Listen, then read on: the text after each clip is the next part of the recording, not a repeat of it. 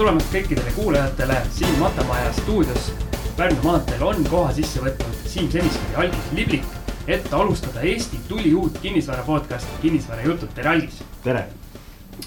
esimeses saates, mida te hetkel siis kõik kuulate, üritamegi selgeks teha, kes oleme meie, et me siin kinnisvarast räägime, miks me kinnisvarast räägime ja kõik muud sellised jutud.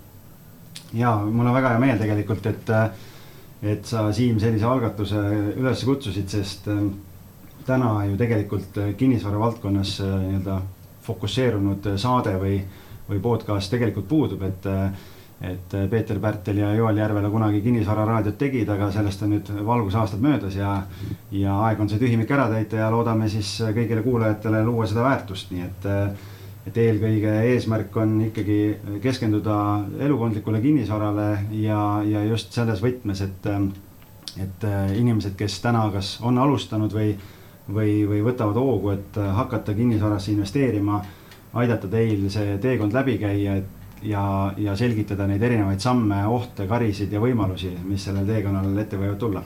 just täpselt, et äh, sa tõid selle kinnisvara raadio podcast'i siia sisse, et äh, mina, kes ma mingil hetkel, mitte väga ammuses minevikus äh, nii-öelda kinnisvara usku natukene justkui pöördusin väikeinvestorina.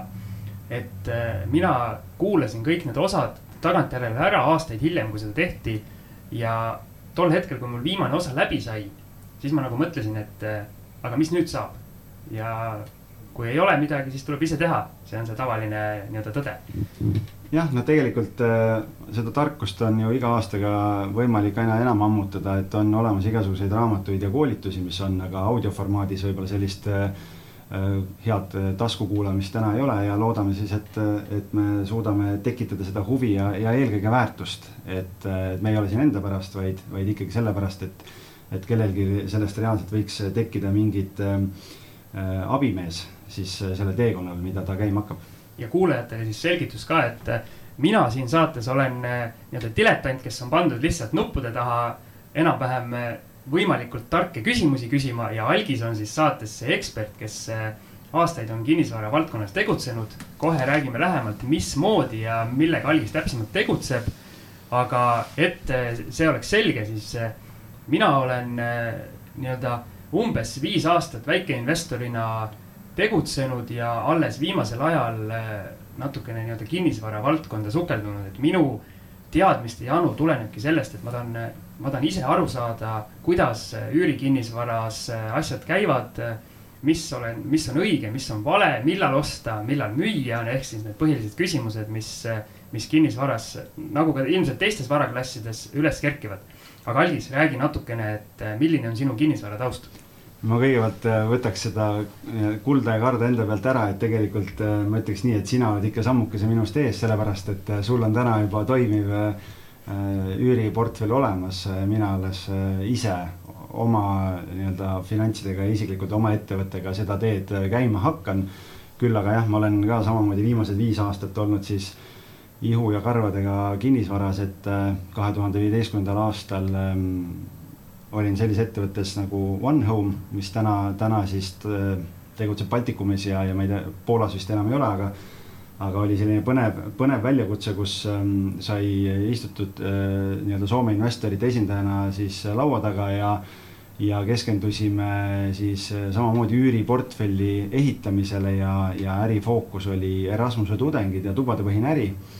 Ja, ja minu vastutusala oli siis Baltikum, äh, Tallinn, Riia, Vilnius, Kaunas, kuhu me ostsime kortereid, renoveerisime ja üürisime need tubade kaupa välja et poolteist aastat seal ja, ja tegelikult hästi põnev kogemus äh,.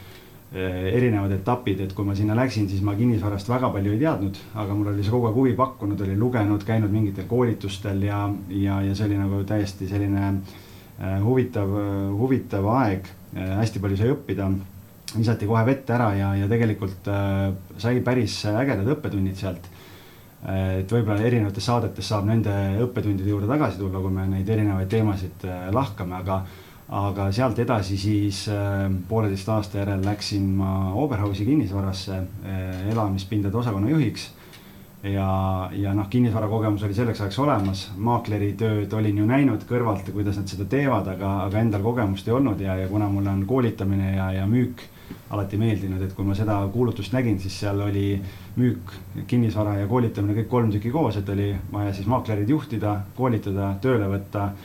Ja, ja, ja, ja siis oli niimoodi, et, et selleks, et ma ei oleks lihtsalt targutav teoreetik, mm, sai toona tegevjuhiga kokku lepitud, et, et mul võib olla ka isiklik portfell kuni viis objekti oma tuttavatelt, et ma ikkagi reaalselt ise neid samu asju, mida ma uutele maakleritele õpetan, et ma teen ka, et ei ole see mitte see, et noh, et tehke nii, vaid, vaid tehke nii, nagu ma, ka nagu mina teen, mitte nii tehke, mitte et tehke nii, nagu ma ütlen ja, ja sealt hakkas, tuli siis see pisik sisse, et, et ma tegelikult nägin, et oli neid maaklereid, kes tegid nagu super head tööd. iga kuu oli väga arvestatavad käibed ja, ja olid väga pühendunud.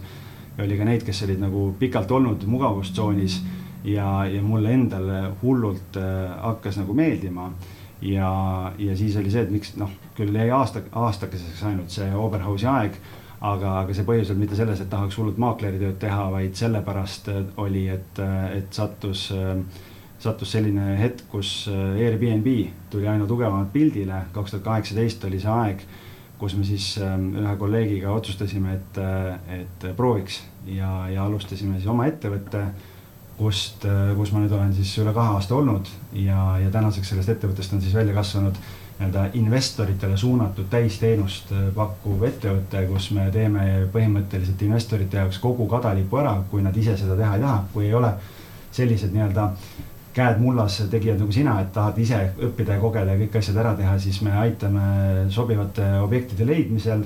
kui on vaja, renoveerime ära, äh, sisustame otsast lõpuni ära, äh, valmistame üürimiseks või müümiseks ette ja, ja aitame siis üürniku leida või maha müüa noh, nii-öelda flip imise mõistes, kui rääkida. ja, ja siis, kui on vaja, siis haldame ka. ja, ja ongi siis nii pikaajalise kui lühiajalise üürihaldus.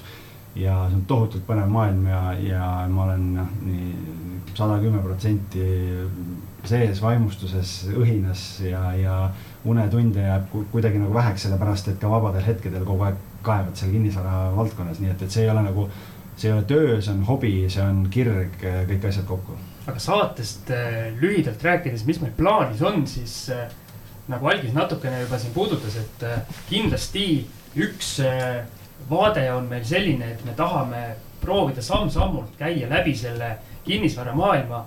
minul kindlasti sellise väikeinvestori vaate, vaatenurgast, mida, miks see saade üldse ellu sai kutsutud, et me teame, Äripäeva raadios räägitakse päris, päris palju kinnisvarast on ka mujal eh, nii-öelda üksikuid, eh, üksikuid hetki, kus räägitakse, aga ikkagi seal on rohkem selline makrovaade, et mis kinnisvaras üldiselt toimub, aga see üldine ja keskmiste hindade liikumine, see nagu väikeinvestorina sulle mitte midagi ei ütle, kui sul on konkreetne objekt ees ja sul on vaja nüüd minna ja hakata läbi rääkima mingi hinna osas või leida üürnik ja küsida temalt mingit hinda, et need makrovaated väga seal ei aita, et me tahame käia ju samm-sammult need asjad läbi, võib-olla isegi natukene selline nii-öelda õppimise laadne asi, et me räägime mingi teema päris, päris lahti.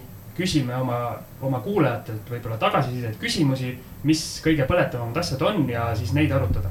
ja teine vaade, mida me tahame sisse tuua, et mitte ainult meie kaks siin ei muliseks äh, seda saadet täis, vaid ikkagi on plaanis meil kutsuda ka külalisi kes äh, on vähemalt samad suured eksperdid kui Algis või veel suuremad Äh, et äh, leida siis mingid muud vaated kõrvalt äh, erinevatele kinnisvara aspektidele. jah, tegelikult on iga teemaga on ju võimalus, võimalus kutsuda mingeid külalisi eksperte, on nad mingite teenusepakkujad või, või on, on nad panga esindajad või kes iganes, et tegelikult kui me räägime finantseerimisest või, või haldusest või, või erinevatest sellistest segmentidest, siis täna kinnisvaraturg on tohutult kiires muutuses, sest nii nagu ka muudes sektorites tegelikult erinevaid igasuguseid startup ettevõtteid ja, ja lahendusi, mis muudavad äh, üüriinvestori elu mugavamaks, lihtsamaks äh, ja, ja selgemaks on, on päris palju, nii et ma usun, et, et neid põnevaid külalisi siin äh, saab olema küll ja veel.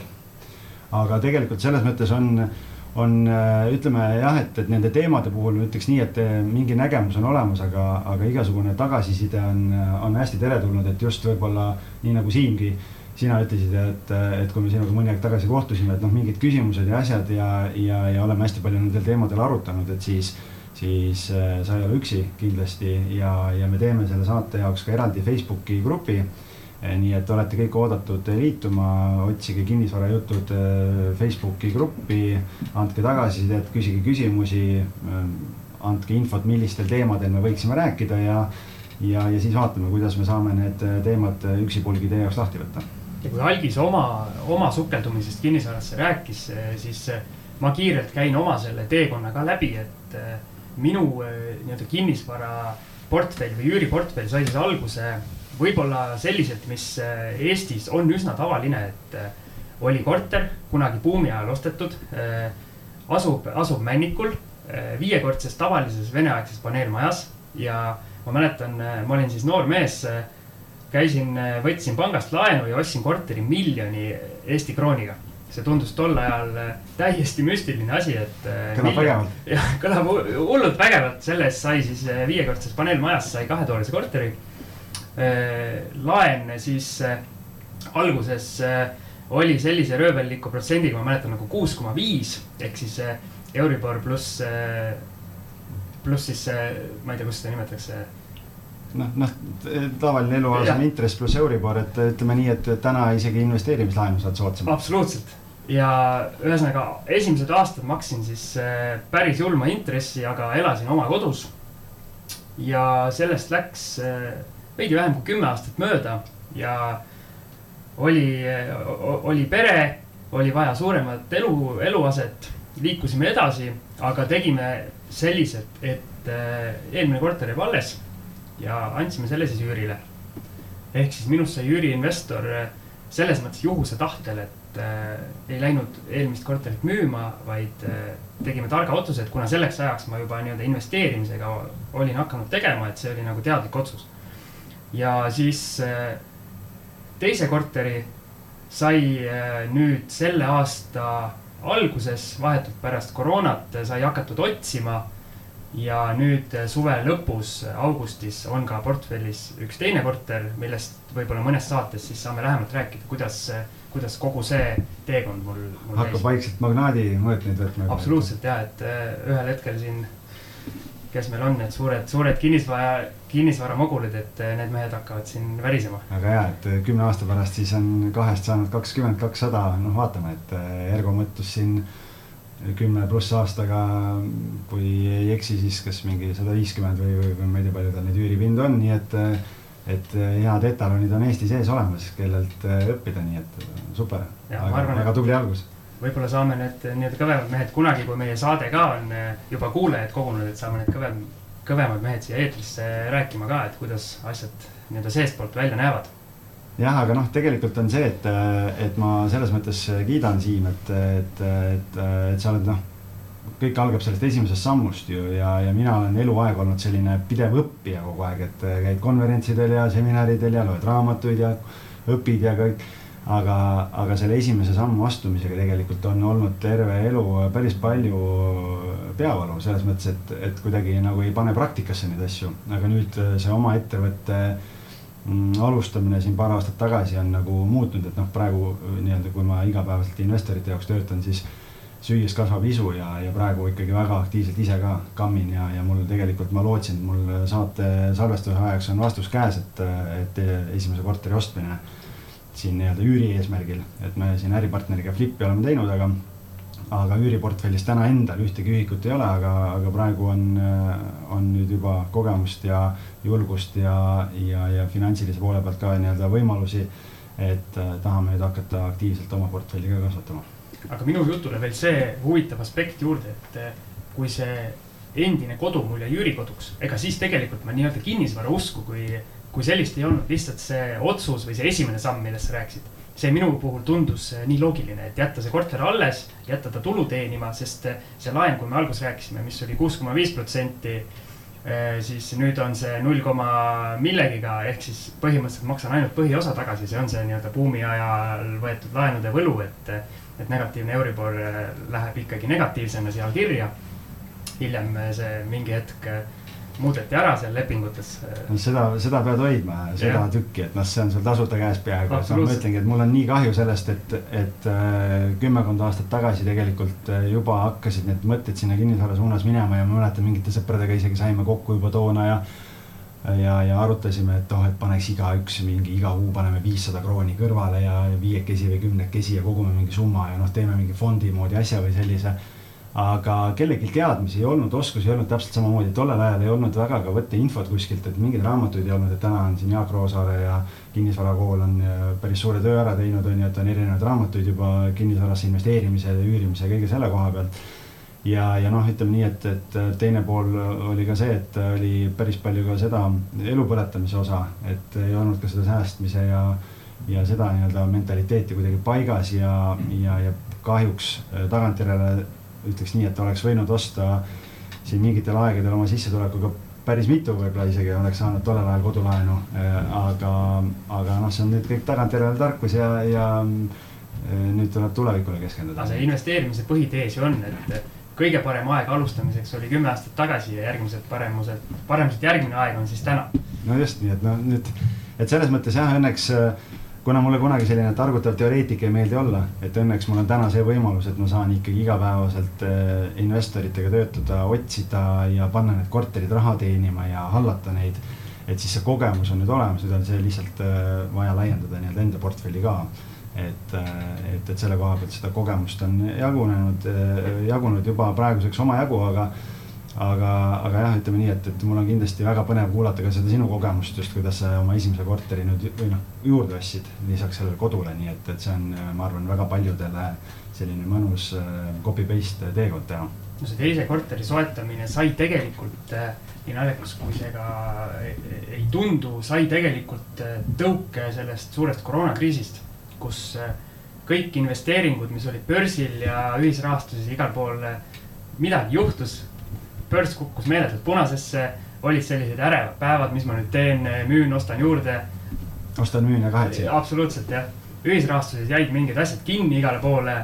ühesõnaga selline ülemaailmne šokk tekitas ka nii-öelda täieliku šoki finantsmaailmas ja ma arvan, kõigi Eesti väikeinvestorite portfellis. ja siis ma mõtlesin, et kui ma alguses, alguses arvasin, et äh, ma olen nii kõva närviga mees, et kui need aktsiad kukuvad seal ribadeks punasesse mingi kriisi ajal, et ma elan selle rahulikult üle, lähen sellest mööda ja nii edasi. siis nagu kõik alati igal pool ütlesid, siis ega ikka päris nii ei ole küll, et äh, kui need punased numbrid seal tiksuvad miinus kakskümmend, miinus kolmkümmend, miinus nelikümmend protsenti. et siis äh, ma küll ei müünud midagi, aga võttis ikka nagu selles mõttes võbelema küll ja kogu aeg iga tund tahtsid jälle vaadata, et kas mingi protsendipunkt kuskile natukene ülespoole jälle nii-öelda tirib. ja siis ühel hetkel ma hakkasin mõtlema, et ma elasin tegelikult samasuguse kriisi üle eh, kümme aastat tagasi. ma ei olnud veel investor, aga ma ostsin kriisi vahetult teel, ostsin selle miljoni eeguse korteri. aga siis, kui see kriis oli, ega ma ju ei mõelnud, palju see korter täna maksab. ta maksis viiskümmend protsenti vähem kui siis, kui ma ta ostsin aga ma ei mõelnud selle peale. nojah, tegelikult eks see ongi see, et ega noh, ütleme kinnisvara puhul minu meelest üks suur pluss ongi see, et tal on äh, ikkagi see väärtus ajas kasvab äh, kogu aeg, et äh,. et, et nende ja ta on, sul on rahavoog. ja üks asi, isegi kui see väärtus langeb mingil hetkel, sa ei saa iga sekund minna kuskile veebilehele ja vaadata, kui palju sinu korter praegusel hetkel maksab. jah, et, et selles mõttes ta on nagu pika vinnaga asi ja, ja tavaliselt, kui ka majandustsüklid muutuvad, siis kinnisvara tuleb inertselt äh, pool aastat kuni, kuni aasta, siis äh, tuleb järgi. aga teistpidi on jah see, et noh, ma olen ka ise ühisrahastusse olen siin mingite äh, kinnisvarasse just pannud. ja, ja küll mitte palju, aga, aga on sealt nagu päris ilusat tulemust saanud isegi. aga teistpidi on jah see, et, et me Siimuga oleme kokku leppinud, et me, et me siin saates nii-öelda ühisrahastusse ja võib-olla sellistesse segmentidesse ei lähe. et keskendume ikkagi nii nii-öelda Ehm, siis korteritele ja noh, elamispindadele ja sellises vaates, et, et kui keegi tahab täna osta kinnisvara endale päris, et mida siis peaks tegema ja, ja, ja kuidas targalt käituda ja, ja tegutseda. et põhimõtteliselt eh, me tahame siis kajastada kinnisvara seda aspekti, kus eh, sa saad ise vastutada kogu selle ahela eest, et äh, alates, alates otsimisest, objekti otsimisest, ostmisest, äh, väljaüürimisest kuni siis äh, lõpuks tulu teenimiseni, et üks variant, nagu sinu firma pakub nii-öelda täisteenust, sa võid anda selle kellelegi hallata. teine variant on teha algusest lõpuni kõik ise läbi. see on investori oma valik, aga ikkagi see on hoopis midagi muud kui läbi ühis, ühisrahastuse või siis näiteks ka Eestis on Efteni ja Baltic Horizon fondi näol võimalik läbi börsi kinnisvarasse küll siis ärikinnisvarasse investeerida, aga meie ikkagi räägime sellest, nagu sa ütled, käed ise mullaseks kinnisvarast. just, noh, Eftenisse saab täna nüüd juba uue uudise kohaselt siin paar päeva tagasi tuli, et saab juba ka ka sukelduvad ka elukondlikku kinnisvarasse ja no, hakkab üürimaju ostma. seal peab päris valus portfell olema. saja tuhandega hakkab see nii-öelda limiit, kust sinna siseneda saab, nii et, et kui, kellel seda, kui palju neid täna on ja seal on ainult nii palju, kui ma aru saan, on on ikkagi nii-öelda professionaalsed investorid ja, ja, ja noh, et igaüks, iga mees sinna nagu ligi ei saagi. aga ma arvan, siinkohal on õige teha väike paus ja siis, kui me tagasi tuleme, on minul algisele esitada seitse küsimust eh, tema teekonna kohta siis kinnisvaras. saame näha, mis vastuseid me sealt saame. no ootan põnevusega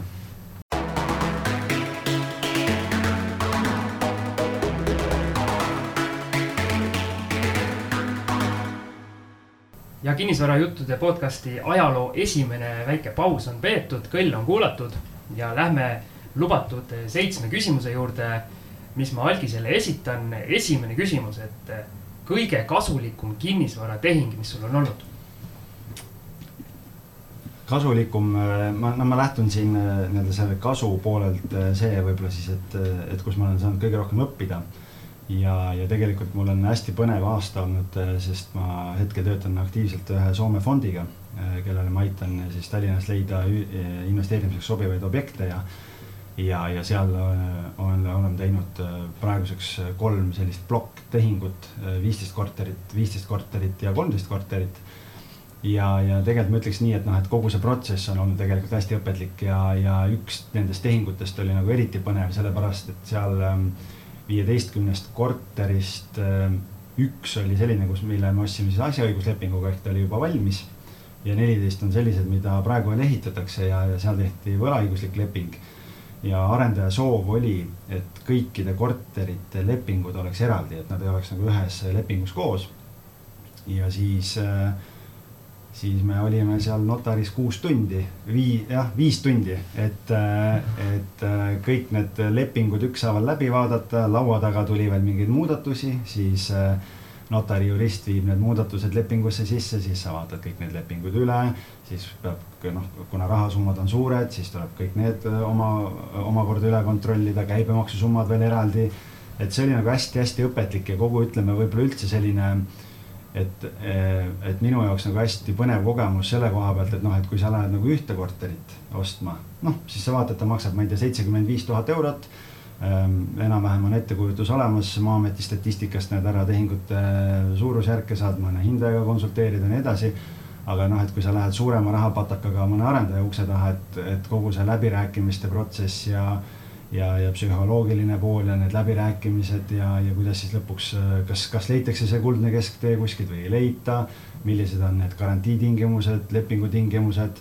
et hästi palju on sellist nii-öelda juriidilist poolt olnud, mida on, mida on saanud sealt õppida, et, et see on nagu hästi-hästi põnev olnud, et ma ütleks, et see on nagu nii-öelda need kõik need kolm suurt tehingut on nagu hästi kasulikud olnud selle koha pealt, et et natukene nii-öelda suuremini lahti mõtestada seda kinnisvaraturu olemust. mul tekkis kohe küsimus, et kui sa lähed arendaja juurde esin-, esindades klienti, kellel on plaan osta viisteist korterit, kas sinu jaoks avatakse hoopis mingid teised uksed, kuidagi pannakse mingid joogid, asjad lauale, et ei, oled sa nagu vipp? ei no tegelikult ei, selles mõttes, et ega ei ole, et, et loomulikult, eks, eks arendajad ikka ju nii-öelda noh, nende jaoks on ka ikkagi, kui sa tuled viisteist korterit ja, ja sul on, me räägime seal mitte sadadest tuhandetest, vaid miljonitest, mis on need tehingute suurused, siis.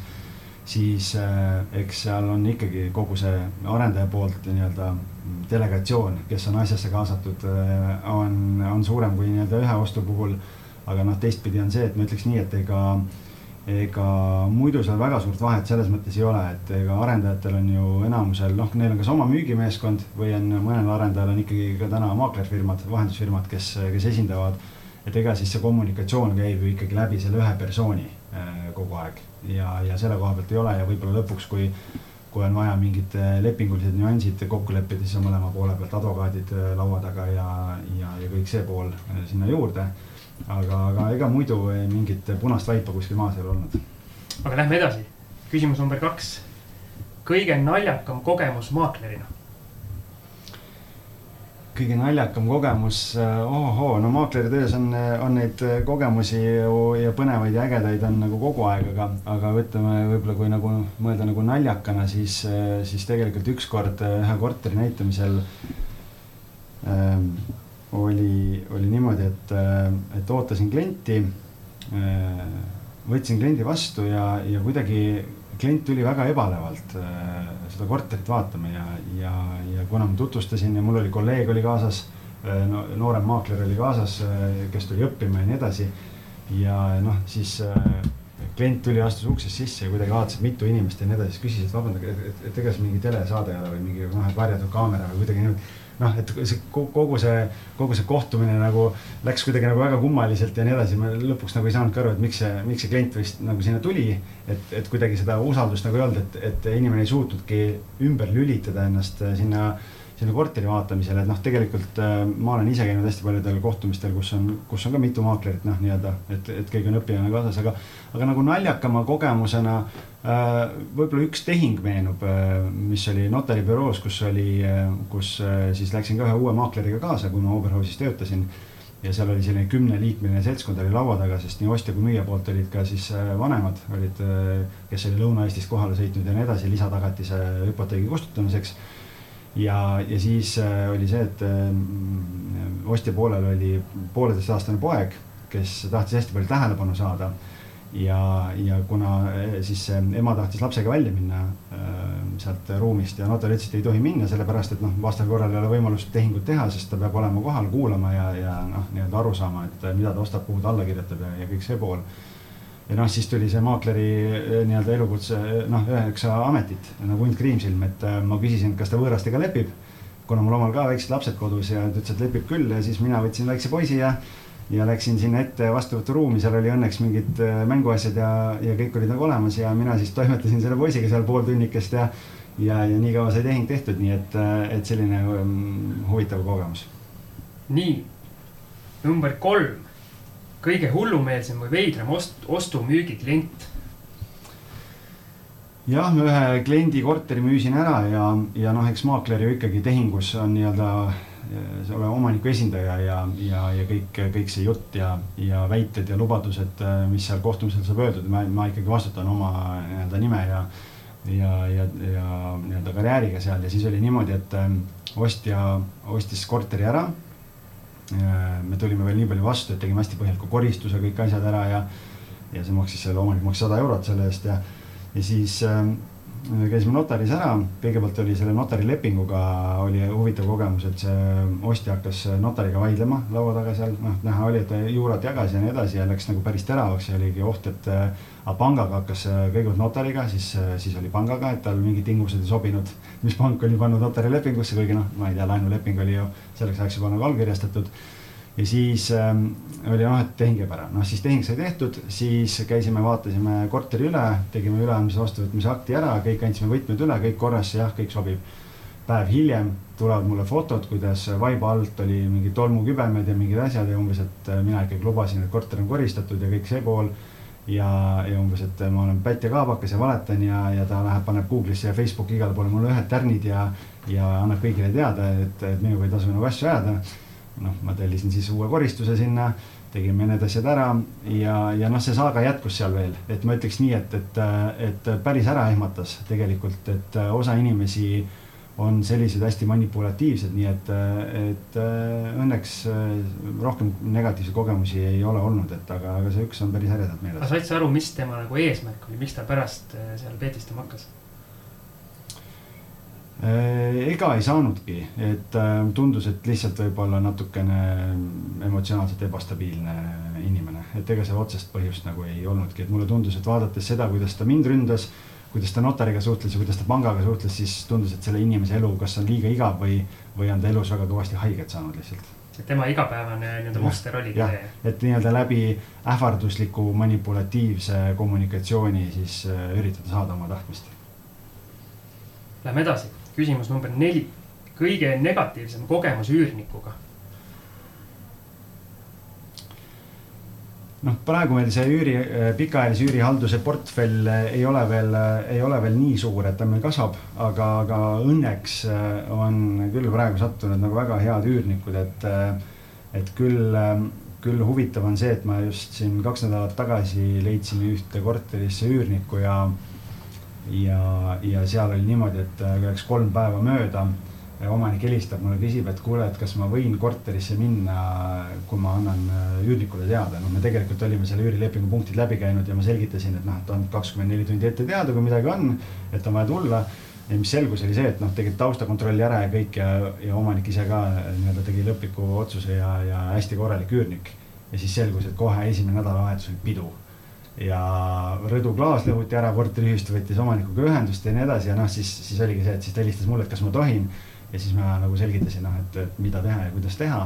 et, et õnneks nagu väga midagi hullu ei ole, et noh, kõige suurem mure minu arust üürnikega on puhtus, et praegu ka, kui ma käin korterit vaatamas või kui on ka mingi korter, mis on siis nii-öelda üürimisest tulnud ja läheb müüki näiteks siis see on kohutav, kuidas inimesed elavad, et kuidas aasta või pooleteisega on võimalus üürikorter nagu nii äh, amortiseerida, et, et see on nagu uskumatu nii et, et mul nagu õnneks praegu veel väga negatiivseid kogemusi ei ole, aga ma tean, et sul on üks valus kogemus all, et võib-olla sa tahad oma kogemust jagada hoopis siin. no minul juhtus niimoodi, et äh, kõige esimene üürnik, kes äh,, kelle ma oma nii-öelda esimesse korterisse siis sisse sain, temaga kohe, ütleme nii, et algas kõik nagu ilusti, aga lõpp äh, ei olnud enam nii ilus, kuigi lõpuks võib vist öelda, et pääsesin nagu ütleme nii, et terve nahaga või ilma kadudeta.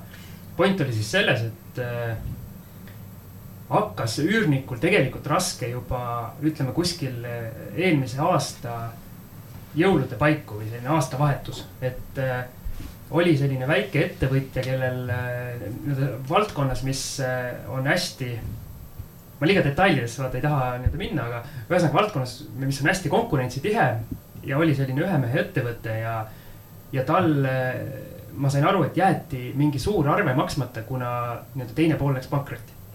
ühesõnaga, ja sealt hakkas see ring pihta, kus, kus äh, esiteks hakkasid üüriarved äh, viibima, ta tahtis kogu aeg pikendust. Siis ühel hetkel jäi juba nagu üks kuu jäi äh, juba sellest rattast maha, et ta maksis juba nagu eelmise kuu, mitte mitte järgmise kuu üüri, vaid eelmise kuu üüri tagantjärele. ehk siis ta oli kogu aeg ühe kuuga maas, aga aga kuna see oli veel nii-öelda heal ajal üürile antud, antud korter, et siis äh, see tagatisraha oli piisavalt suur, mille ma olin kätte saanud, sest ma mõtlesin, et kuna nagu tegelikult inimesena oli, oli väga hea inimesega tegemist, siis mõtlesin, et no ma lasen sellel asjal nagu minna. Ja siis tuli peale kuulus koroona, mis tegi selle olukorra nagu äh, veel hullemaks. ja ühel hetkel oligi niimoodi, et Eh, tal olid, üürnikul endal olid juba nagu väga suured probleemid.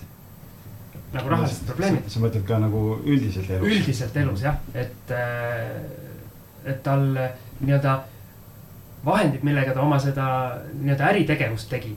Neil olid liisingud peal ja juba sealt hakati tal asju käest ära võtma ja ühesõnaga see nagu ratas oli oluliselt kaugemale pööranud. ja siis ühel hetkel eh, ta kadus lihtsalt ära. ma proovisin kaks nädalat kõikvõimalike kanalite kaudu ühendust võtta. iga päev helistasin, täielik vaikus. ja siis ma mõtlesin, et no nüüd, et nüüd on päris nagu halvasti, mis ma nüüd teen, et ma olin nagu täiesti värske nii-öelda üüriinvestor. sain kohe esimesena sellise. lihtsalt kätte kohe. ja lihtsalt kätte, et umbes, et noh, ma nagu teadsin, et vaata ei tohi minna nagu oma võtmetega sisse ja midagi. ja õnneks sain ta läbi kolmandate inimeste lõpuks kätte. ja ma ei hakka neid põhjendusi välja tooma, miks ta nagu ei, või tähendab, mis ta ütles, et miks ta ei suhelnud minuga. aga siis panin talle ultimaatumi ette, et noh, et ühesõnaga sa saad aru, et su olukord paremaks ei lähe. et lõpetame selle asja ära.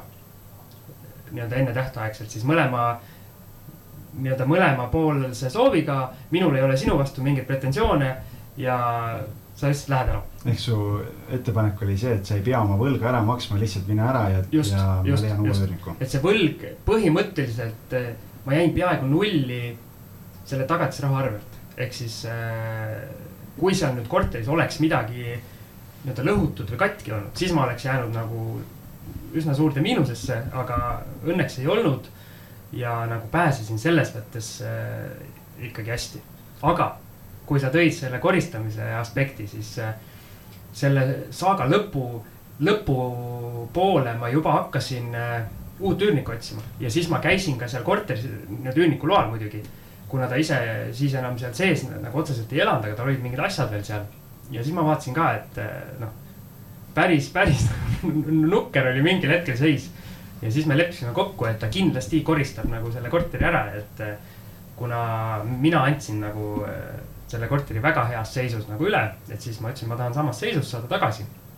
ja siis ta lubas, et koristab ära ja koristaski, aga kui mina läksin juba sinna uute vaatajatega esimest korda sisse, ma tegin selle vea, et ma ei käinud äh, ise tühjana seda vaatamas. Et, et kas ta tegelikult ka koristas? kas ta tegelikult ka koristas ja noh, oli näha, et oli koristatud, aga jah, noh, see on. ütleme nii, et koristas inimene, kes igapäevaselt ilmselt väga ei korista. jah, eks ta ongi, see on täpselt seesama, seesama asi ongi, et noh, üüri, seal ühe korteriga oli, oli samamoodi seesama korter, mis sai müüdud üürnik kolib välja, vaatad, tore, ilus noorpaar äh,, tore, noh, ilusad inimesed lähevad ära ja, ja oli ka, ma lähen korterisse, ütlen, et aga see on ju must, et äh, lepingus on punkt, et kui ära ei korista, siis, siis tuleb sada eurot maksta, et noh, koristamistasu tuleb kinni maksta. ja no mis mõttes, et see on röövimine, et me koristasime. aga kui sa vaatad äh, seda, noh, koristamine nende mõistes oli see, et musti nõusid ei ole ja kapi pealt on tolm ära võetud, aga see, mis on kapi taga, voodi all Äh, vannituba kohutav, noh, see on, seal ei olnud ilmselt pooleteist aasta jooksul kordagi nagu koristatud. Et, et, et selles mõttes see puhtusest on inimestel väga erinev arusaam. ja, ja kui ma rääkisin, ma tegin vea, et ma, et ma käisin näitamas korterit enne, kui ma veendusin, et see on nagu väga hästi koristatud, siis tegelikult enne seda ma tegin ühe veel suurema vea ja käisin näitamas korterit niimoodi, et need üürniku asjad ja üürnik veel justkui nagu elas seal sees. Ja no see oli täielik katastroof, mul oli endal nii häbi kui ma sinna korterisse sisse astusin, sest eh, noh. aga noh, tegelikult on ju niimoodi, et noh, üürilepingusse tasub panna sisse see punkt, et, eh, et omanikul on õigus eh, nelja nädala jooksul näiteks enne olemasoleva üürilepingu lõppemist hakata korterit näitamas käima eelneva nii-öelda kooskõlastusega ja, ja seal on lihtsalt jah, siis see, et tuleb üürnikul ikkagi paluda, et, et hoia elamine korras, noh, kas ta hoiab või ei hoia, muidugi see sõltub hästi palju üürnikust, et on neid üürnikke, on neid üürnikke näiteks ka, et kui keegi tahab korterit müüa ja üürnik elab sees, siis ei ole üürniku huvi või eesmärk reeglina sellele müügile kaasa aidata, sellepärast et tema peab hakkama ära kolima, kui see müüdud saab.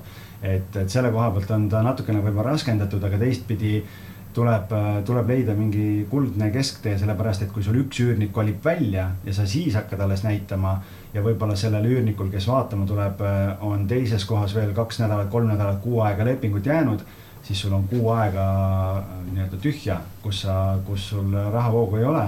et sellepärast ikkagi ideaalis neli nädalat äh, sinna lepingusse panna, sellepärast et, et äh, võib-olla jääb sul seal üks-kaks päeva koristamise jaoks ja sa saad uue üürniku kohe sisse, nii et ei jää seda auku vot siit üks kuldne nõuanne kohe meie kuulajatele, kes äh, autos seda kuulab. jääge seisma, kirjutage üles, et üürilepingusse panna see punkt, et äh, üürnik on siis kohustatud korteri korda tegema, kui sinul on vaja seda näidata. Jah, ja tegelikult see sõnastus, seda sõnastust on nagu erinevalt ja seal on ka see, et kui, kui üürnik seda ei tee ja omanikul tekib sellega seoses kulu, siis omanikul on õigus see kulu tagatisrahaga tasaarveldada. mul on nüüd selle teise korteri ostuga on selles samas olukorras on nii-öelda teistpidine vaade, kus ma ostsin korteri olemasoleva üürnikuga ja ma käisin seda vaatamas selliselt, et üürnik oli ise kodus. ja see oli veel nii huvitav, et omanik leppis üürnikuga kokku, et mina kui siis korterist huvitatud ostja tulen seda vaatama, aga omanik ise ei tulnud. ehk siis mina sain nii-öelda silmast silma selle olemasoleva üürnikuga rääkida kuna minul oligi huvi osta koos üürnikuga, et äh, ma. tahtsid kohe rahavoogu, et ei pea ise hakkama leidma. ma sain üürnikule kinnitada, et minu huvi ei ole teda kuskilt välja saata, et, et vastupidi, et mina olen huvitatud, et, et ta jätkaks üürimist ja siis tema oli küll korteri väga hästi korda teinud, veel toonitas, et ta, et ta tegi nii-öelda korralikult kõik ära, et kui midagi siin on, et siis noh et see on nagu tema viga ja niimoodi, et oli vastupidi, ma ei tea, kas neil oli see lepingus või ei olnud aga igastahes väga nii-öelda korrektselt käitunud. super, noh, selle koha pealt võib-olla, et, et läheme natukene võib-olla liiga laialivalguvaks, aga noh, tegelikult praegu ka, kuna me ise otsime korterit, mida osta just nii-öelda väljaüürimise eesmärgil ja me ja, ja ma käisin eelmine nädal vaatamas ühte korterit Mustamäel, kus on üürnik sees, omanik reklaamib seda kui nagu hea tootlusega objekti me läksime kohale, esiteks korteri seisukord kehvem kui piltidel, teiseks üksik meesterahvas elab sees Ehm, koristab ilmselt, äh, ilmselt äh, korra kuus, kui sedagi. ja, ja, ja siis me omanikule tegime ka pakkumise, ütlesime, et noh, tänases olukorras sellises seisukorras korterit sellise üürnikuga me ei noh, et see hind peab olema teine. Sellepärast, et, et ei ole kasu kõrgest rahavoost kui sul amortisatsioon on nii kiire, et kui sul see noh, vabandust, siga elab seal sees et siis, siis tore küll see, aga pärast, kui sa pead hakkama pärast ema minekut seda korterit uuesti üles vuntsima, siis see maksab sulle oluliselt rohkem kui see, et sul oleks see üüritootlus seal kaheksa protsendi asemel olnud seitse. Nii et äh, tegime oma pakkumise, täna pidi vastust tulema, palusid ajapikendust veel ühe päeva võrra, nii et homme tõenäoliselt loodetavasti saame, saame edasi liikuda aga kindlasti edaspidistes saadetes saame ka natukene puudutada seda, milline see kõige parem üürniku profiil on, et üksik meesterahvas käis siit juba läbi minul nendega kogemust on. Noh, siis on veel erinevad üksikud naisterahvad, kes pidid olema väidetavalt kõige hullemad üürnikud, aga sellest me kõik saame rääkida, loodetavasti me kedagi ei solva. Jah, et need on nagu äh, näited äh, isiklike kogemuste põhjal, et me noh, mitte üldistada, aga, aga noh, lihtsalt, et saab nagu mingeid, mingeid paralleele tuua. aga ma tuleks korra siin tagasi, enne kui me edasi läheme selle sinu teema juurde, et kui sa nagu said kohe vitsad kätte äh, värske nii-öelda kinnisvaramagnaadina, et, et isu ära ei võtnud siis ausalt öeldes ei võtnud, kuna see ikkagi lõppes nagu selles mõttes positiivselt. üks põhiasi, miks, miks isu ei võtnud, oli see, et tegelikult see nii-öelda inimene inimesena oli nagu väga hea. nii-öelda ta sai aru, et tema teeb valesti, ta tahtis olukorda parandada, aga ta oli juba nii nagu nii-öelda ennast nagu sisse tõmmanud, ehk siis neid variante, mida teha, oli nagu väga vähe. ehk siis selles mõttes ta ei olnud pahatahtlik et kui ma oleks ilmselt mõne pahatahtliku inimese otsa sattunud, siis ma võib-olla likvideeriks neid asju siiamaani aga selles mõttes ma ei tea, kas see oli sul nagu teadlik otsus, et sa oled kuulanud, äh, lugenud ja nii edasi, et minna seda teed, et, äh, et ütled, et mine lihtsalt ära ja ma raha ei taha su käest. sest noh, kui sa oleks ta käest hakanud raha küsima tõenäoliselt, et lõpetame nüüd lepingu ära ja maksa oma asjad ära, onju. et muidu läheb hapuks, siis oleks võinud see asi pöörata teistpidi ja oleks sul sinna tekkinud puuküürnik ja, ja võib-olla ta olekski sul istunud seal siiamaani, et selles mõttes nagu ähm, kust see otsus tuli, millele tuginedes sa otsustasid, et ma teen nii, et ma ei võta, et mine ära ja, ja lõpetame ära. no see otsus ei olnud nii teadlik, kui ma võib-olla ise nagu tahaks öelda, et see oli. tegelikult asi oli selles, et ma nagu tegin lihtsa arvutuse nii-öelda paberinurgale, et äh, võtsin selle nii-öelda tagatisraha ja vaatasin, mis on need võlad. eeldasin ära, mis veel need kommunaalid tulevad ja ütlesin talle, näed, et äh, sel hetkel nüüd äh, on kõik, et äh, me oleme põhimõtteliselt nullis. Fifty-sixty jah. just, ei taha mina sinult midagi. Äh, ja noh, ei ole mul sulle enam midagi tagasi anda, et selles mõttes, et lõpetame selle asja ära ja kuna ongi ta nagu inimesena oli nii-öelda hea ja korralik. siis, siis ta loomulikult oli nõus sellega ja nii see asi läks, noh. ainuke asi, mis oli, oli see koristamise asi, mida ma juba rääkisin, et noh, kui nüüd päris näpuga järge ajada ja neid nii-öelda Ameerika investeerimis podcast'e kuulata või kinnisvara investeerimis podcast'e, siis äh, kui ma oleks sinna veel koristuse tellinud, selle asemel, et ise minna nii-öelda oma brigaadiga peale.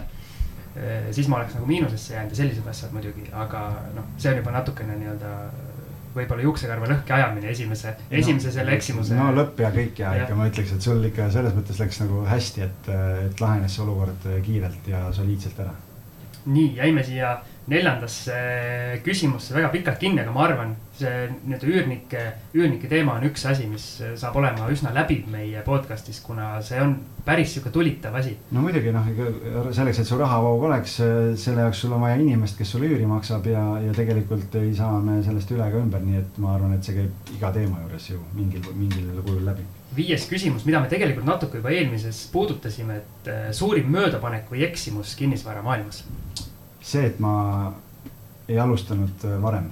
noh, nagu sa enne ütlesid, see, et kümme aastat tagasi, et noh, tegelikult äh, praegu selles, äh, selles sees olles noh, see on nii põnev ja siin on nii palju õppida ja, ja kui mõelda tagasi, et, et, et tegelikult noh, mul on nüüd viis aastat, see on läinud nii kiiresti et kõrvalt ju nägin, mingid sõbrad ostsid kortereid siin juba ja, ja eelmise buumi ajal noh, oli siin igasuguseid äh, igasuguseid asju võimalik nagu teha ja, ja, ja kes seal nii-öelda natukene sirgemal teel, kes võib-olla rohkem sahkerdades, aga, aga said oma esimesed ostud ära tehtud ja, ja, ja tänu sellele täna on nagu, ma arvan, päris heal turvalisel järjel ja, ja, ja on nagu, nagu korralik rahavoog endale tekitatud, nii et, et see on võib-olla selline kõige suurem möödapanek, ma ütleks, aga aga muus osas ma ei tea, ma, ma nagu väga nii-öelda tagasilöökides eh, kinni ei jää, et eh, kõik õppetunnid on millekski vajalikud ja ma ütlen lihtsalt nii, et eh, et on, on olnud siin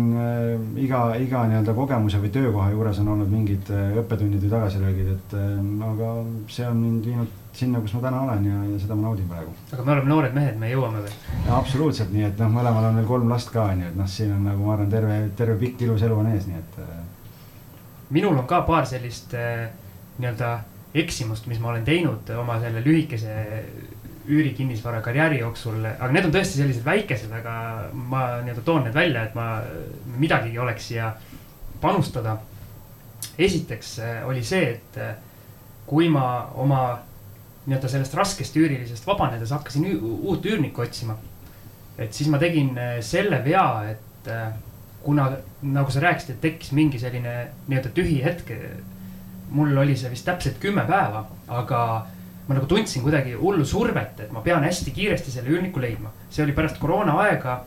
hinna ma nii-öelda lasin kohe alla. selles mõttes läks kõik hästi, et huvi kuulutuse vastu, mis ma üles panin, oli väga suur. isegi võib-olla natukene selles mõttes liiga suur, et ma võib-olla. ja võib-olla nii-öelda tõmbasin liiga alla selle hinna, aga see selleks. see ma nagu seda ei pea nagu eksimuseks, aga üks asi, mis ma valesti tegin enda arvates. see on kooliraha. jah, see on kooliraha tõesti. üks asi, mis ma valesti tegin, oli see, et eh, ma läksin sisuliselt igale huvilisele, läksin korterit näitama. kuna ma nii-öelda kolisin nüüd ise Tallinnast ära, siis minu sõit äh, näitama oli umbes äh, no selline julge kakskümmend minutit. ja nagu sa ütlesid, väiksed lapsed kõik kodus on ju, siis see ikkagi oli nagu oluline ajakulu ja ma küll üritasin need järjest panna, need näitamised, aga üks asi, mida ma enam äh, ilmselt tulevikus ei tee, et ma ei lähe igaühele, kes, äh, kellel sooja õhku suust välja tuleb, ma ei lähe korterit näitama. vaid ma üritan kuidagi eelnevalt, kas meili teel või telefoni teel nii-öelda ära screen ida, et kes on tõsine huviline, kellel üldse nii-öelda, kes minu jaoks on nagu potentsiaalne üürnik.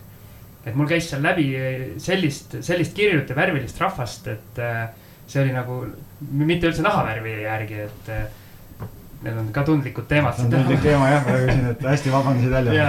et äh, põhimõtteliselt äh, üks, üks konkreetne kogemus oli selline, kus mul oli pandud äh, järjest kolm näitamist nii-öelda pooletunniste vahedega, mis tundus nagu üsna optimaalne ja olukord oli selline, et esimene, esimene inimene tuli nii, et tal mees saatis oma abikaasa vaatama ja mees eelmine päev ma nägin otsis Facebooki, Facebookis Haaberstisse korterit. okei okay,, Haaberst ja Nõmme on natukene erinevad ja, äh, otsad. ja mitte ainult Nõmme, vaid Männiku, mis on nagu täiesti teises otsas. laagri peaaegu. just, ja siis äh, oli niimoodi, et ma selle mehe käest veel konkreetselt küsisin, et kui sa saadad oma naise vaatama, et kas sa tead, et see ei ole mitte Haaberstis see korter, vaid see on Männikus. ja, ja tean, tean, et äh, noh, vaatame ikka üle. nii, ja siis äh, ootan mina seda, seda naist vaatama ja siis helistab mulle alt seda fonolukku, seda uksekella. ja siis kuulen, sihuke kontsaklõbin hakkab vaikselt tulema. neljandal korrusel on korter, tuleb ja tuleb ja tuleb. ja siis ilmub mulle nii-öelda trepi juurde ilmub äh, selline roosas liibuvas minikleidis selline kergelt äh, ülekaaluline, selline keskealine naine. pikad kontsakingad, selline hästi ära värvitud. astub uksest sisse, on kolm sekundit, vaatab ringi, ei, ei, ei, ei, see küll ei sobi pöörab ümber, astub tagasi ja läheb kontsertklubinale, läheb tagasi, siis pöörab kuskil koridoris, küsib. ega teil Haaberstis midagi pakkuda ei ole ja läheb minema. ja siis ma mõtlesin, et eh, noh. ja noh, see on, see on selles mõttes hea, et eh, tegelikult ma paar nädalat tagasi tegin ühe, video ka ja samal teemal rääkisin, et noh, tegelikult on et inimesed kohati ei süvene, et vahet ei ole, kas, kas nad tulevad nii-öelda ostuplaaniga üüriplaaniga, inimene tuleb kohale sa planeerid enda aja, eriti veel noh, maaklerina tegutsed siis omanik on ju, saadad pere kodunt ära, on ju, et saaks rahulikult vaadata, näidata, tuleb kohale, ütleb. aa, no tegelikult meil oleks ikka suuremat vaja, meil oleks ikka kolmetoalist vaja. nii, aga te teadsite, et see on kahetoaline või ei teadnud, teadsime küll, aga noh, et, et siis jääbki nagu arusaamatuks, et aga miks sa tulid siis? ongi niimoodi, et eh, lõpuks see mees, kes selle kokkusaamise nagu siis organiseeris, raiskas nii minu aega kui siis oma naise aega, kes ma saan aru, tuli kuskilt bussiga. noh, see on veel eriti jah ja., super. ja siis äh, tuli see järgmise vaatamise aeg ehk siis pool tundi hiljem äh,. ootan, mitte kedagi ei tule. ja siis kirjutab mulle Facebookis see inimene, kes pidi tulema seitseteist minutit pärast seda, kui ta oleks pidanud kohal olema. ma enam ei vaja korterit. super. kõik ma ütlesin selge, et äh, okei okay,, aga miks sa mulle seda varem ei võinud öelda? vot ja, et see on siis põhiviga, et minu meelest, mida ma järgmine kord teen, ehk siis ma nii-öelda proovin sõeluda välja need nii-öelda tõsised huvilised ja ainult siis nendega minna nagu päris vaatamisi. Siim nõuannet tahad või? noh, tahan. selle jaoks on kinnisvaramaaklerid olemas, e, et sa saaksid perega kodus olla ma siin igaks juhuks nüüd kuulajatele ka ütlen, et Algis pakkus mulle, et ta teeb kõik asjad ilusti ära minu eest ja noh, see oleks muidugi väga mugav, aga kuna mul see huvi selle kinnisvara vastu on äh, nagu suurem, siis ma tahtsingi kõik need äh, võlud ja valud ise läbi teha, et oleks millestki rääkida. siin on maakleri ainest, et äh, jah. nii, ja siis teine viga, äh, mis äh, on selline väiksem, mis võib-olla tegelikult ei ole viga. kui sina rääkisid, et natukene jääb puudu sellisest sammu astumise julgusest või seda nii-öelda alustamisest siis mul oli nüüd pärast seda koroonat nii suur kihk oma nii-öelda üüriportfelli teine korter saada. et ma leides enda jaoks väga sobiva objekti, võib-olla natukene nii-öelda armusin sellesse ära. ehk siis öeldakse, et kui sa oled investor, siis sa pead vaatama ainult nii-öelda numbreid, absoluutselt need tunded välja jätma, et sa ei osta endale kodu ja. aga see, see korter nagu tekitas kohe minus nagu häid emotsioone. nunnu jah nunnu jah, ja kõik nagu sobis ja viga oli siis selles, et eh, ma tagantjärele eeldan, et ma oleks saanud eh, sealt paremat hinda. kui ma oleks natukene, natukene nii-öelda jõulisemalt asjale lähenenud, eh, kui ma seda tegin. ma mäletan, et me sellel teemal rääkisime ja. ka ja ma soovitasin, aga, aga. aga samas, miks ma arvan, et see suur viga ei ole, on see, et ikkagi nüüd mul on see objekt olemas ja nagu selles mõttes, noh. ma tean, et ma ei oleks saanud seal eh, nii-öelda väga suurt hinda alla, kuna tegemist oli väga hea objektiga. ja ta oli nii-öelda oma, oma nii-öelda turuhinnast, eh, kas turuhinnas või veidikene isegi nii-öelda juba allpool. et, eh, et nüüd ta on mul vähemalt olemas ja erinevalt mingitest näiteks aktsiainvesteeringutest ma enam ei mõtle selle hinna peale, kuna mul ei ole igapäevaselt ees, kui palju see korter reaalselt praegu maksab jah, see on tegelikult hästi oluline, et sa selle välja tõid ja, ja see on ka veel nagu eraldi teema, et, et kui kinnisvara osta, siis üks on ikkagi see, et sa ostad rahavoogu, ostad seda tootlust, et milline, kui palju see raha peab sulle tagasi teenima. või sa ostad seda nii-öelda kapitali kasvu, et sa ostad kuskile piirkonda, mis järgmise kümne aastaga siis areneb või, või ostadki nii-öelda, ostad, renoveerid ja müüd kus sa otsid seda väärtuse kasvu, et, et tegelikult, kui sa nagu rahavoogu ostad, siis, siis see on nagu väga paljuski peamine asi, millele võib-olla keskenduda, sellepärast et et see, milline piirkond täpselt järgmise kümne aastaga areneb, jah, me saame natukene prognoosida ja kindlasti räägime ka sellest. aga täna ainult sellele nii-öelda loota, see on nagu teine teema. selles mõttes mul läks hästi, et seal oli korralik üürileping oli peal ja see tegi ka selle objekti nagu minu silmis natukene siis väärtuslikumaks, miks võib-olla see sihuke inglise keeles attachment nagu tekkis või selline. jah, vaata, kui erinev kogemus, et täpselt seesama korter, mida meie nüüd tahame osta. väga korralik tootlus, tõesti väga hea tootlus on korteril. aga me tõenäoliselt lõpetaks selle lepingu ära, kui, kui nad on nõus selle, selle hinnaga sellepärast et äh, ma pigem võtan sinna puhtama üürniku ja see tootlus on grammi võrra väiksem, aga ma tean, et selle korteri puhul kolme või viie aasta pärast ma võtan ta enam-vähem samas seisukorras tagasi. huvitav on see, et kui me siin äh, lindistust alustades mõtlesime, et huvitav, äh, kas meil on midagi täis rääkida seda X aega, mis me siin panime pool tundi või nelikümmend viis minutit, siis nüüd on meil viiskümmend viis minutit läinud ja rääkida oleks veel ülipalju. aga lähme küsimustega edasi, et kuues küsimus, suurim unistus seoses kinnisvaraga ma olen ikka kogu aeg äh, äripartneriga öelnud seda, et äh, ühest korralikust üürimajast piisaks. tegelikult sellepärast, et et ma olen, ma olen terve elu ikkagi nagu sihuke hull tööloom olnud ja, ja, ja panen siin pere ja öötundide arvelt tihtipeale ja mitu asja korraga käsil. et tegelikult nagu noh, üks selline paarikümne ühikuga üürimaja ja, ja see rahavoog ja kõik on juba piisav selleks, et, et keskenduda elus nendele asjadele, mis nagu päriselt olulised on teistpidi kogu aeg, kui me nagu ka oma koosolekutel seal plaane seame, siis siis ähm, see kõigub nagu äärmusest äärmusesse, et ühest küljest on see, et noh, et, et, et justkui ei ole nagu väga palju vaja, et kataks baasvajadused ära ja natuke peale, et saad reisida ja olla. ja siis mõtled nii-öelda konglomeraadina kohe mõtled, et nagu noh, tegelikult oleks ju äge ikkagi. Nagu, nojah, ma ei tea, sada, sada korterit või, või kolmsada korterit või midagi või noh, et nagu, nagu suuremalt ja ma arvan ikkagi seda, et minu jaoks on see natuke nagu kuidagi elustiiliks saanud juba ka see, et nagu selles sektoris äh, lihtsalt on, on äge ja, ja, ja, ja, ja ma tahan, tahan siin olla ja kasvada ja, ja ma ütleks nii, et äh, sada, ühest küljest üürimaja kõlab hästi, aga teisest küljest selline sada, sada üürikorterit äh, Tallinnas näiteks on nagu päris hea selline eesmärk. Et äh, rahaliselt ei ole niimoodi mõelnud, et kui palju nüüd rahavoogu peaks genereerima, aga, aga tükiliselt nagu päris selline ambitsioonikas plaan, aga ma ütlen, et esimesest peaks alustama kõigepealt. jah, sest muidu sajani ei jõua. aga ma korra võtan selle üürimaja asja hambusse, et äh, kuulus väikeinvestor Jaak Roosaar on siin arendanud oma sõpradega mitmeid üürimaju, et kas, äh, kui sa tahad omada, kas siis üksi või, või, või siis partneritega sellist üürimaja, kas see tuleb endal siis ehitada, arendada?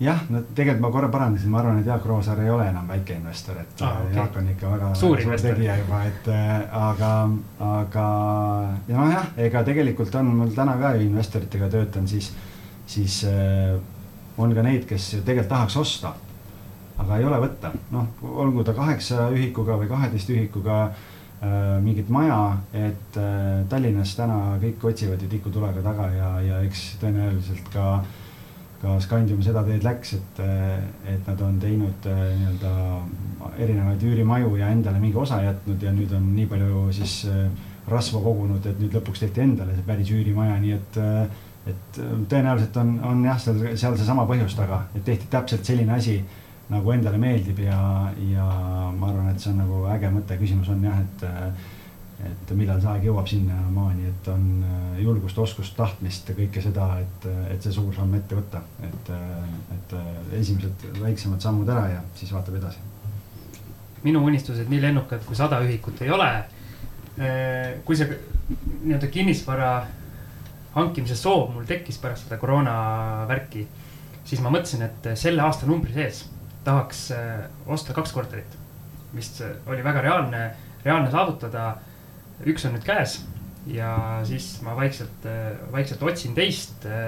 Väga nii-öelda põhimõttelisi samme veel astunud ei ole, aga mul, mul aega on natukene. et ma usun, et see tuleb kätte kuna aga..., kuna ma otsin ka praegu, äh, üks fookus on just väiksemad ühikud praegu, ühetoalisi, siis äh, ma võin sulle infot share ida, nii et, et saan äkki kasulik olla sulle. väga hea, näed juba on podcast'ist kasu vähemalt mulle aga need pikemad eesmärgid jah, ma ei ole nagu selliselt veel paika pannud, et äh, ma arvan, ühel hetkel ma mõtlen need, need ka läbi, noh, võib-olla, võib-olla kui hakkan järele mõtlema, siis see sada ühikut ei olegi nii paha mõte. Jah, aga kui sa mõtled nii, et aastaga kasvad kahe ühiku võrra, siis see on protsentuaalselt päris kõva kasv. jah, seda küll, aga järgmised aastad, kui kogu aeg see kasv jääb kahe ühiku peale, siis, siis enam nii hea ei ole. noh, kui sul ühel hetkel on kuus, kaheksa, kümme või midagi, siis, siis saab juba, ma arvan, pankadega ka rääkida, et tekib sinna mingi korralik äriplaan ja, ja tekib selline finantsvõimenduse koht, kus on võib-olla võimalik juba suuremaid ampse võtta. et üks asi just ongi need finantsid, et sellest kindlasti räägime mitmetes saate, saadetes eraldi, et seal on veel nii palju oma nüansse, mida me siin puudutada ei jõua. ja seitsmes küsimus, senine kõige tähtsam õppetund maaklerina, et meil siin on nende esimese, esimese kuue küsimusega päris palju õppetunde käis juba läbi, aga tood sa veel eraldi midagi välja noh, tegelikult äh, jah, eks neid äh, erinevate küsimustega on saanud need asjad ära katta, aga võib-olla ütleme nagu õppetundidest seda, et, äh, et tegelikult noh, kui ma mõtlen nagu niipidi. mul on ju see võrdlusmoment olemas, et kui ma nii-öelda maaklerite osakonda juhtisin ja kui ma nüüd ise omal käel tegutsen. Siis noh, siit võib-olla saab lihtsalt sellise nii-öelda õhku visata selle nii-öelda nendele, nendele inimestele, kes äh, mõtlevad või, või tahavad kinnisvaras tegutseda, siis ma ütleks nii, et kes, kes tahab kinnisvaras väga head kogemust saada või hakata oma, oma üüriportfelli või noh, nii-öelda kinnisvaraportfelli kasvatama, siis tegelikult paremat kohta kui kinnisvaras nii-öelda õppida on kinnisvaramaakleri elukutse on ideaalne koht selle jaoks, sellepärast et, et äh, koolitatakse, sa saad reaalselt need kogemused kätte, aitad kellelgi osta, kellelgi müüa, kellelgi üürida, et ma ütlen, et, et ma pigem ütleks seda, et see võib-olla niisugune õppetund või tagantjärele tarkus on see, et äh, väga paljud, äh, kes alustavad, jätavad liiga kergekäeliselt pooleli, et kõigepealt on vaja kõvasti tööd teha, vundamenti laduda neli kuud, kuus kuud, võib-olla mõnel läheb aasta selleks, et tekiks reaalne kogemuste pagas ja mingi referents. ja sealt on nagu väga hea edasi panna, et tegelikult ma ütlen nii, et äh, kes tahab äh, kinnisvaramaailmas sees olla, siis, äh, siis kinnisvaramaaklerina tegelikult on nagu suurepärane võimalus. täna küll on ja täna on see selles mõttes ka hea koht, et äh, sisenemisbarjääri ju pole praktiliselt äh,, mis, millest ühest küljest on nagu ta hea, sest ma olen alati nagu selle poolt, et inimestel on võimalus äh, midagi teha aga teiselt poolt on see, et täna kinnisvaramaaklerite turg on nagu reguleerimata, et, ähm, et kui hindajate puhul on see, et sa saad, oled alguses noorem hindaja ja siis teed eksami ära ja siis sa saad nii-öelda hindajaks, siis maaklerite puhul äh, sa siin täna otsustad, et ma nüüd, mul on kaks korterit ja ma nüüd hakkan maakleriks ja keegi ei ütle, et sa ei tohi seda teha, et äh, et, äh, et võib-olla see on, see on nagu selline hea kogemus või tagantjärele tarkus, et, et selleks et äh, tekiks nagu tulemused ja kogemus ja, ja, ja selline hea tunne läheb aega, et andke aega endale. samamoodi ka investorina, et, äh, et äh, noh, mitte tark ei torma, aga, aga kuskilt alustage, astuge esimene samm ja siis step by step edasi. aga sinu jutule tuginedes, kui ma nüüd käisin erinevaid kortereid vaatamas, siis kui ma otsisin omale seda portfelli täiendust, siis mina kohtusin täiesti erinevate maakleritega ja ma arvan, üks, üks saate teema võib vabalt, vabalt meil olla tulevikus ka nii-öelda maakleri, maakleri amet. ehk siis oli nii positiivseid näiteid kui negatiivseid näiteid. aga ma küsin sult hoopis niimoodi, et hästi paljudel kinnisvarakuulutustel on ikkagi lõpus see, et maakleritel palun mitte tülitada mm -hmm.. venekeelsetel on veel see, et maaklereid palun mitte tülitada ah. et esiteks, kui paljud ikkagi inimesed üritavad, äh, üritavad kogu selle müügi ja ostuprotsessi äh, ise teha? on sul mingit äh, statistikat või infot selle kohta ja kui on kuulutusel all see, et maakleritel palun mitte tülitada, kas sina ikkagi võtad selle kõne ja tülitad?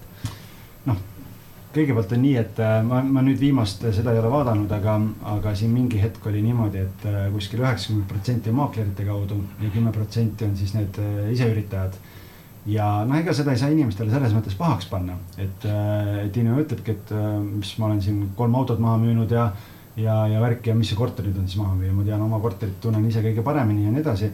siis, aga noh, siis tehakse telefoniga pildid ja, ja mingid asjad ja noh, tegelikult seda kvaliteeti jääb seal nagu vajaka.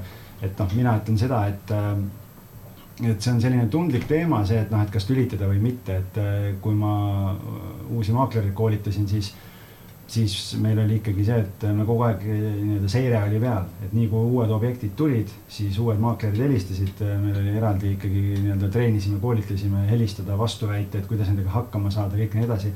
inimesed arvavad, et neil ei ole abi vaja, aga nad tegelikult ei tea ja nad arvavad seda, et, et noh, et kui ma maakleri võtan, siis ma ju maksan talle mingi raha ära ja ma ise saan vähem. Äh, tegelikult on ikkagi nii, et, äh, et kui on äh, korralik maakler igal korteril, sõltuvalt sellest, kui kiiresti ta on vaja maha müüa või, või, või kui kallilt või noh, mis seal nagu see taust on taga, on oma strateegia ja omad eesmärgid mitmesse portaali.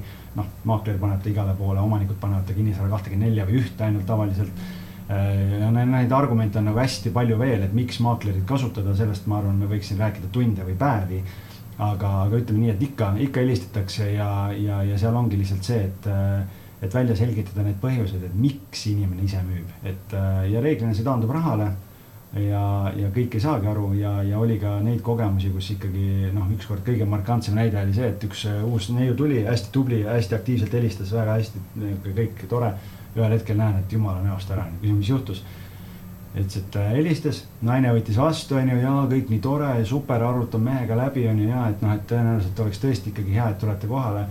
Läks viis minutit mööda, vaatas, et seesama number helistab tagasi, mõtles, et noh, tõenäoliselt tahab, ähm, tahab äh, tulla, noh, et kohtumist kokku leppida ja mees oli toru otsas. ütles, et kurat, ei oska lugeda, et kuulutuse lõpus on, et maaklerit mitte tülitada. murran käeluud ära, kurat, saadan Delfisse, noh, ühesõnaga sõimas näo nii täis noh, ja siis tekibki see küsimus on ju, et äh, ega kinnisvaramaakler ei ole mingi šaakal, kes tahab su raha ära võtta, vaid professionaalne kinnisvaramaakler aitab omanikul müüa kinnisvara maha nii kalli hinnaga ja nii kiiresti kui võimalik. Äh, ja, ja see inimene võttis aja, et helistada tagasi, sõimata ja ähvardada, siis tekib küsimus, et mis sul viga on. noh, et äh, et aga, et ikka helistatakse jah, ja, ja, ja noh, küsimus on lihtsalt, et kas see maakler siis lööb verest välja või mitte, et see näitab seda tugevust. no mina lööks ilmselgelt verest välja, ma ei julgeks üldse helistadagi. aga see on hoopis teine teema.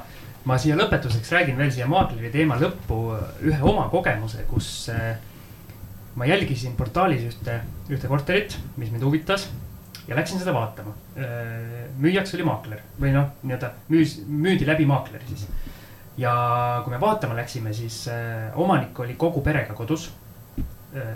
kusjuures see nii-öelda meesterahvas siis äh, tuli selle jaoks töölt ära, et meid nagu uksest sisse lasta. tal naine, lapsed olid kodus, aga tuli ise töölt ära, et olla ka seal ja mis siis juhtus, oli see, et korterit mitte ei näidanud mulle maakler enam. vaid see peremees võttis täielikult nii-öelda jutu, kõik võttis üle, ehk siis maakler vist sel hetkel, kui me korteris olime sai öelda võib-olla kaks sõna ainult ja pigem siis noogutas umbes kaasa nii-öelda omaniku jutule, kes siis kiitis kõike ja rääkis ja, ja siis ma nagu vaatasingi, noh, see olukord oli natukene selline ebamugav, vähemalt minu jaoks. ja siis ma pääsin selle maakleri ära, me läksime nii-öelda välja ja ma rääkisin temaga seal nii-öelda koridoris pikalt ja, ja siis läks umbes kuu aega mööda kui ma nägin, et see korter tuli uuesti kinnisvaraportaali ja siis müüs juba omanik. okei okay,, no see on tõenäoliselt üks nendest näidetest, kus omanik ütleb, et noh, maakler ei saa hakkama ja, ja nii edasi või, või sinu jaoks kui nii-öelda ostja vaatevinklist tekib see küsimus, et või, või kus ta on see kuvand, et, et ah, maakler tuleb kohale, keerab võtmega ukse lahti, siis tahab kolm tuhat eurot saada, onju, noh stiilis, sealt tekivad need legendid. et noh, mina näiteks äh, lepin omanikega kokku kohe, ütlen, et mina tulen korterit näitama niimoodi et äh, kliendi jaoks on ebamugav, kui te olete kodus. Äh, omanikud tihtipeale kipuvad rääkima emotsionaalsetest väärtustest, äh, kuidas nad on kolm last üles kasvatanud seal ja kõik asjad, mis ei puutu üldse asjasse, on olnud juhuseid, kus omanikud hakkavad nutma näiteks nagu mingil põhjusel peavad müüma, tegelikult ei taha müüa on ju, ja, ja see kõik takistab tegelikult müüki. ja mina ikkagi alati lepin ostjatega kokku, aga noh, see on jälle maakleri enesekindlus ja julgus, et, et nii-öelda mängureeglid paika panna. et kui sa võtad mind enda esindajaks siis ma teen otsast lõpuni sulle töö ära, see on sinu aja säästmiseks. mind ei ole vaja selleks, et äh, öelda, et klient tuleb, et siis tee ise.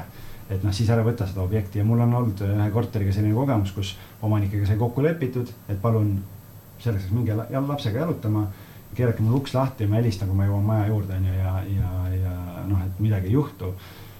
ja mõlemal korral kaks klienti, mõlemal korral on toas mul maaklerina üli ebamugav, sellepärast et nad tulevad, ahah, omanikud istuvad diivanil, ah tervist, nad ei süvenegi, nad ei taha, nagu ei taha peret segada.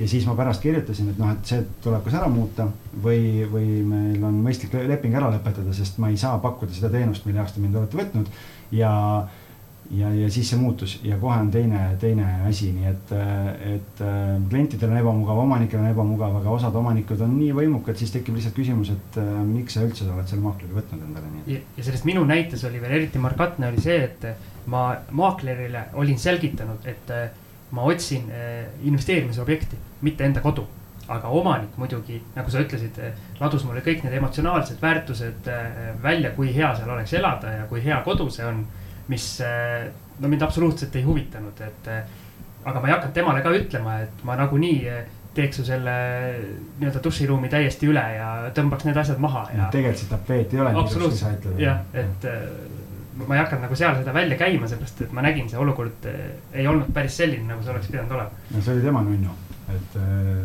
absoluutselt jah, aga sellepärast ilmselt ta siiamaanigi müübki seda. jah, no nii ta on, et ja lõpuks noh, me oleme neid näiteid on küll ja veel, kus oli oli üks omanik näiteks müüs korterit äh, ja ütles, helistasime, ütles, et ei, tema maaklerit ei võta, et noh, et selle korteri puhul see vahendustasu oleks olnud kuskil suurusjärgus neli tuhat eurot. et tema seda raha lubada ei saa. ja läks kuu aega mööda ja see korteri kuulutus oli portaalis kaheksa tuhat eurot odavamalt ja juures oli kiire, tee oma pakkumine. et kaheksa tuhat odavamalt saad müüa, aga professionaali appi võtta, et kallimalt müüa, noh, selle jaoks raha ei ole. et see on jälle selline noh, selline intelligentsuse küsimus. aga tundub, et meil juttu jätkuks veel kauemaks, lõpetada me hästi ei oska, aga siinkohal tõmbame oma esimese, esimese saate joone vahele. kinnisvara jutud siis meie podcast'i nimi hakkab tõenäoliselt ilmuma üle, üle nädala ehk siis kaks saadet orienteeruvalt kuus. ma loodan, et me suudame ilusti seda tempot hoida ja pakkuda head ja veel paremat sisu meie kuulajatele. aitäh sulle, Algis, et leidsid, leidsid aega tulla. aitäh sulle kutsumast, väga, väga põnev. ja kohtume siis järgmistes saadetes. Kuulmiseni